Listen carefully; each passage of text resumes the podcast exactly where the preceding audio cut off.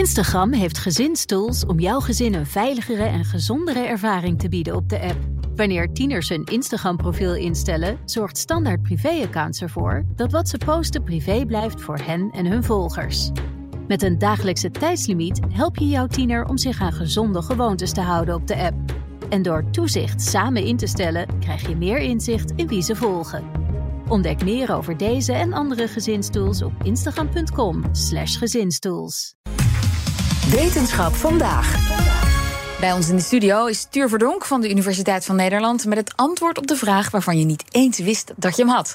Nou, Hatuur, welke vraag heb je vandaag? Ja, hoe weet je of je een klik met iemand hebt? En dan zegt u natuurlijk gewoon, ja, dat, dat voel ik gewoon. Hè. Vind ik iemand leuk of niet leuk?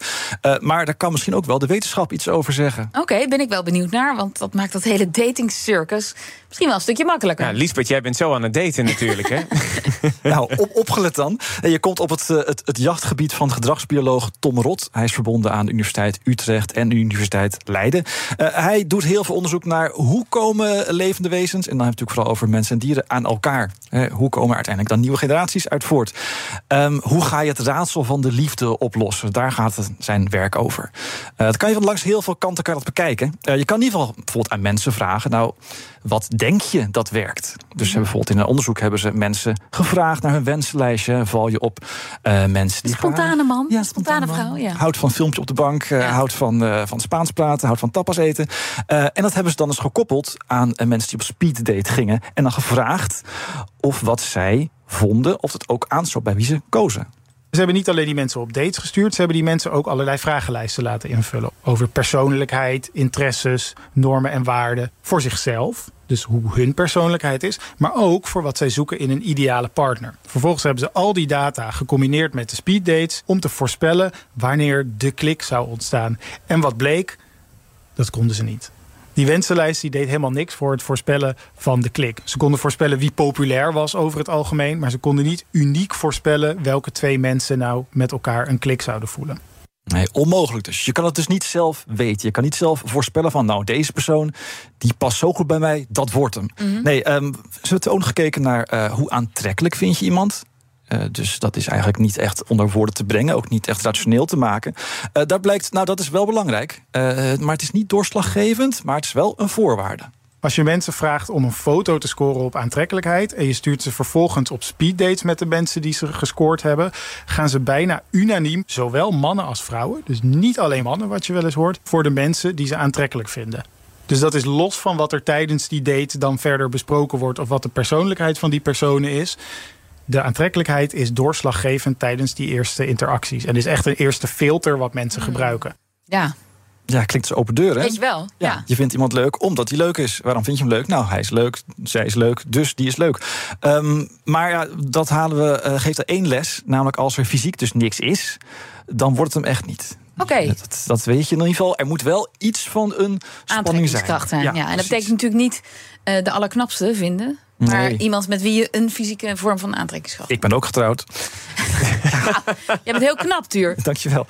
um, Tom Rot keek ook naar, uh, naar wat we stiekem doen tijdens dates. Uh, en dat is misschien wel uh, het, het meest opzienbarende. Want het blijkt dat wij stiekem natuurlijk tijdens dates heel veel dingen doen.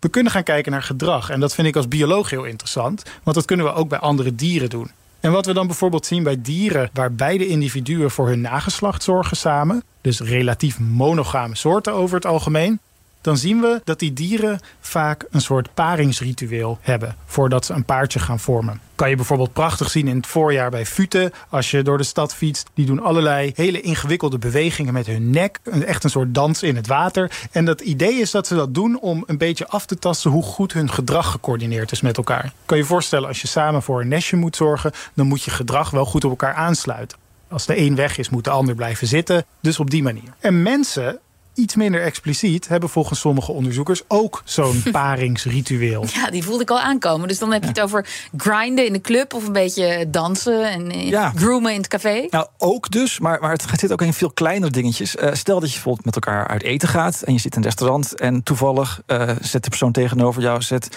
een hand aan een oor. Dan blijkt dat jij dat dan als je iemand leuk vindt, ook gaat doen. Of je gaat net even zitten, dan gaat die persoon naast Oh, gaat spiegelen. ook verzitten. Ja, het is spiegelen.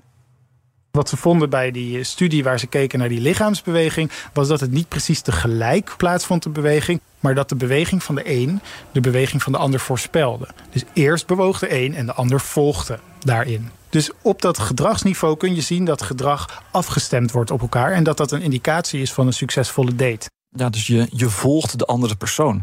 Uh, alleen dat heb je waarschijnlijk zelf niet altijd door. Dus ja, eigenlijk moet je dan iemand naast je bestaan die na jou na de date tegen jou zegt: Nou, je deed echt die persoon precies na. Ik denk wel dat jullie een klik hadden. Um, dat is ingewikkeld en nog niet zo romantisch. Je wilt natuurlijk liever gewoon met z'n tweetjes zijn. Uh, wat je ook kan doen is fysiologisch onderzoek, oftewel lichamelijk kijken wat er gebeurt. Oh. Zo kunnen we mensen op een speeddate sturen en aan hartslagapparatuur leggen om hun hartslag te meten. Dat hebben collega's in Leiden hebben dat bijvoorbeeld gedaan. En die vonden dat als tijdens een date de hartslag van mensen tegelijkertijd omhoog gaat of juist omlaag gaat, dat dat een voorspeller is van een klik. En als die harten dus tegelijk gaan kloppen, over het algemeen is er dan meer kans dat mensen een klik met elkaar voelen. Nou, dat klinkt nog best wel romantisch. Ja, tegelijk met kloppende harten. Sensoren aan je lijf, hè? niet vergeten. Dankjewel, Tuur Verdonk van de Universiteit van Nederland. Instagram heeft gezinstools om jouw gezin een veiligere en gezondere ervaring te bieden op de app. Wanneer tieners hun Instagram-profiel instellen, zorgt Standaard Privé-accounts ervoor dat wat ze posten privé blijft voor hen en hun volgers. Met een dagelijkse tijdslimiet help je jouw tiener om zich aan gezonde gewoontes te houden op de app. En door toezicht samen in te stellen, krijg je meer inzicht in wie ze volgen.